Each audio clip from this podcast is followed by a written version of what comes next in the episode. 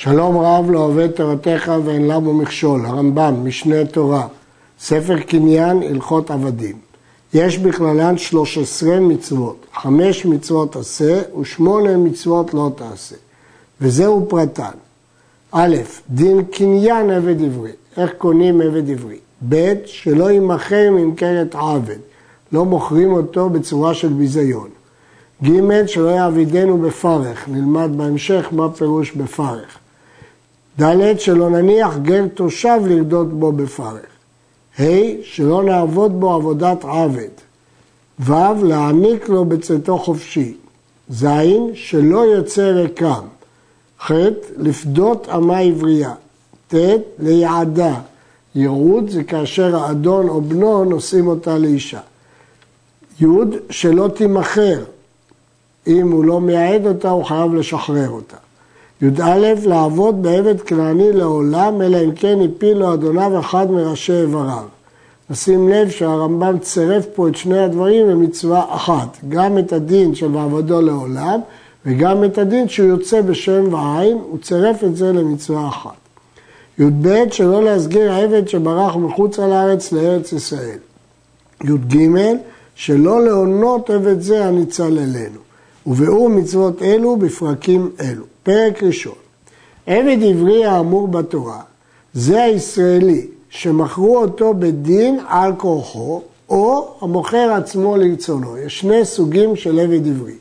או שבדין מכרו אותו על עבירה מסוימת, כפי שנראה תכף, או שהוא מכר את עצמו במצב של עוני, כפי שנלמד לקמן.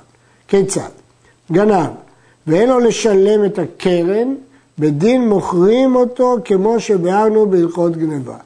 אם יש לו קרן ולא כפל, לא מוכרים אותו, אבל את הקרן, אם אין לו, יכולים למכור אותו. ואין לך איש מישראל שמוכרים אותו בדין, אלא הגנב בלבד. זה מקרה יחיד שבדין מוכרים יהודי לעבד, רק אם הוא גנב ואין לו לשלם את הקרן. ועל זה שמכרו בדין, הוא אומר, כי תקנה עבד עברי. זאת הפרשה של כי תקנה עבד עברי, כפי שהגמרא מבארת באריכות, ועליו הוא אומר במשנה תורה, כי ימכר לך אחיך העברי. אז זה סוג אחד של עבד, שהוא עבד שמכרו בדין, כיוון שהוא גנב ואין לו לשלם את הקרן. ויש סוג שני, מוכר עצמו כיצד? ישראל שהעני ביותר, נתנה לו תורה רשות למכור את עצמו, שנאמר, וכי ימוך אחיך עמך ונמכר לך. זה במוכר עצמו. ואינו רשאי למכור את עצמו ולהצניע אדמיו, לחסוך כסף, או לקנות בהם סחורה או כלים, או לתנם לבעל חובו, אלא אם צרך לאוכלם בלבד. המטרה היחידה שהתירו לאדם למכור את עצמו לעבד, זה כי אין לו מה לאכול. ואין אדם רשאי למכור את עצמו עד שלא יישאר לו כלום, אפילו כסות לא תישאר לו, ואחר כך למכור את עצמו. זה רק בלית ברירה, כי התורה לא מעוניינת שאדם ישראל יהיה עבד לאנשים, אלא עבד לאלוקים. כבר ביארנו שאין האישה נמכרת בגנבתה, וכן אינה מוכרת את עצמה, ואינה קונה עבד, לא עברי ולא כנעני מפני החשד. היא לא נמכרת בגנבתה ולא מוכרת את עצמה, ומלבד זאת היא גם לא יכולה לקנות עבדים מפני החשד שיחשדו שהיא מתייחדת איתו. ואין הגר נקנה בעבד עברי, שנאמר, ושב אל משפחתו. מי שיש לו משפחה, לשוב אליה, וגר אין לו משפחה לשוב אליה. עבד עברי שמכרו בדין, אם הוא גנב ואין לו לשלם את הקרן, אין מוכרים אותו אלא לישראל או לגר צדק. וכן המוכר עצמו אינו רשאי למכור עצמו לרוי, ואפילו לגר תושב. הוא לא יכול למכור את עצמו אלא ליהודי. ואם עבר הוא מכר עצמו, אפילו לעובד עבודה זרה, ואפילו לעבודה זרה עצמה, הרי זה מכור. שנאמר, או לעקר משפחת גר. לעקר זה הנמכר לעבודה זרה. הפסוק הזה בויקרא מציין שיש מקרה שיהודי עובד לעבודה זרה כשהוא מכר את עצמו. לכתחילה לא ימכור, אבל אם מכר, הוא מכור. בא ואמר לך, בא יהודי ומאיים, הרי אני מוכר עצמי לגויים, אין אתה זקוק לו, אתה לא חייב לתת לו כסף כדי שלא יעשה את הפעולה הזאת, עד שימכר. אבל אחר שנמכר לגוי, אף על פי שעבר ועשה שלא כהוגן, מצווה לפדותו שלא יטמע בהם. שנאמר, אחרי נמכר, גאולה תהיה לו. הדגש בפסוק, אחרי נמכר. הוא לא יכול להשתמש בזה כסחיטה לפני שהוא נמכר, אם לא תיתנו לי אני אמכור את עצמי. לא. אבל אחרי שהוא נמכר, אז יש מצווה לפדות אותו, אפילו שהוא לא נהג כהוגן. אחד המוכר עצמו שמכרו בדין, אינו נמכר בפרסייה על אבן המקח, שזאת מכירה של ביזיון, ולא בסמטה כדרך שהעבדים נמכרים, שנאמר לא ימכרו ממכרת עבד, אינו נמכר אלא בצנעה ודרך כבוד. ישראלי, אפילו שהוא גנב, צריך לנהוג בו כבוד, והוא נמכר בצנעה. מדובר פה בגנב שאין לו לשלם את הקרן, או במוכר עצמו, רק בצנעה.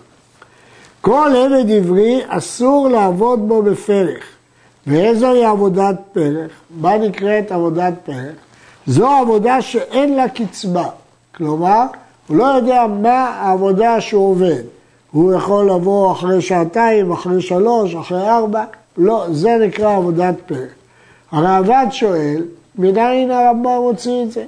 הרי מדובר גם בפועל, פועל גם כן, אתה יכול להגיד לו, תעבוד עבודה שאין לה קצבה. אחרונים אומרים שההשוואה בין פועל עבד היא לא נכונה, חולקים על הרעב"ד, אבל הרעב"ד חולק על הצורה הזאת של עבודה שאין לה קצבה. הוא אומר שאין בזה בעיה, הנושא של קצבה.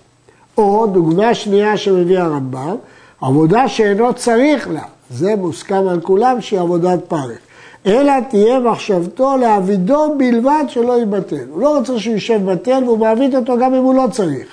וכאן אמרו חכמים, שלא יאמר לו הדור תחת הגפנים עד שאבוא, שהרי לא נתן קצבה, כפי שאמרנו, הרי בן חולק על זה.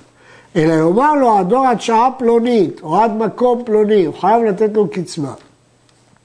וכן לא יאמר לו חפור מקום זה והוא אינו צריך לו. ואפילו להחם לו כוס של חמין או להצל לו והוא אינו צריך לו, אסור. והוא עובר עליו ולא תעשה, שנאמר לו תרדה בו בפרך. האינו עושה לו, אלא דבר קצוב שהוא צריך לו. רק דבר קצוב, לפי שעות או לפי שטח או לפי מקום, אבל לא בלי קצבה.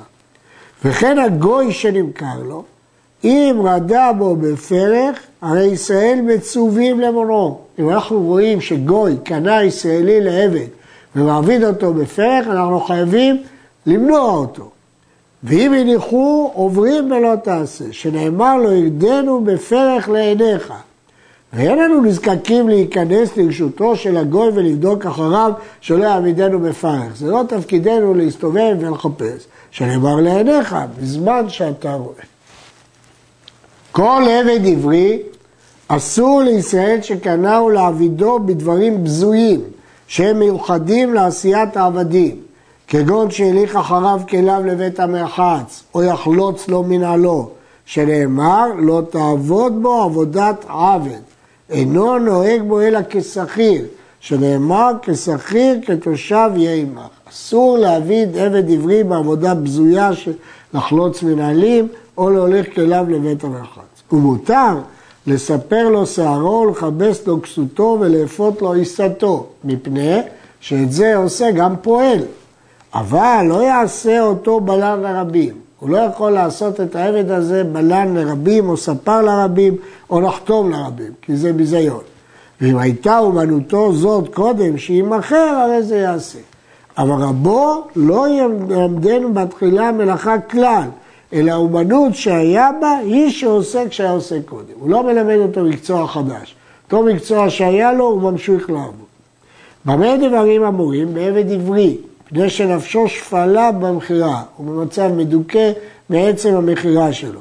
אבל ישראל שלא נמכר, מותר להשתמש בו כעבד, שהרי אינו עושה מלאכה זו, אלא ברצונו, מדעת עצמו. אדם שלא נמכר, אז רשאים להגיד לו תחלוץ לי את המנהל. אבל עבד, בגלל שנפשו שפלה, אסור לומר לו עבודות מבוזות. אנשים שאינם נוהגים כשורה, מותר לרדותם בחוזקה ולהשתעבד בהם.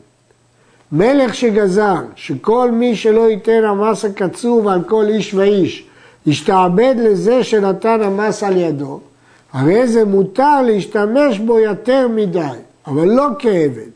ואם אינו נוהג כשורה, מותר להשתמש בו כעבד.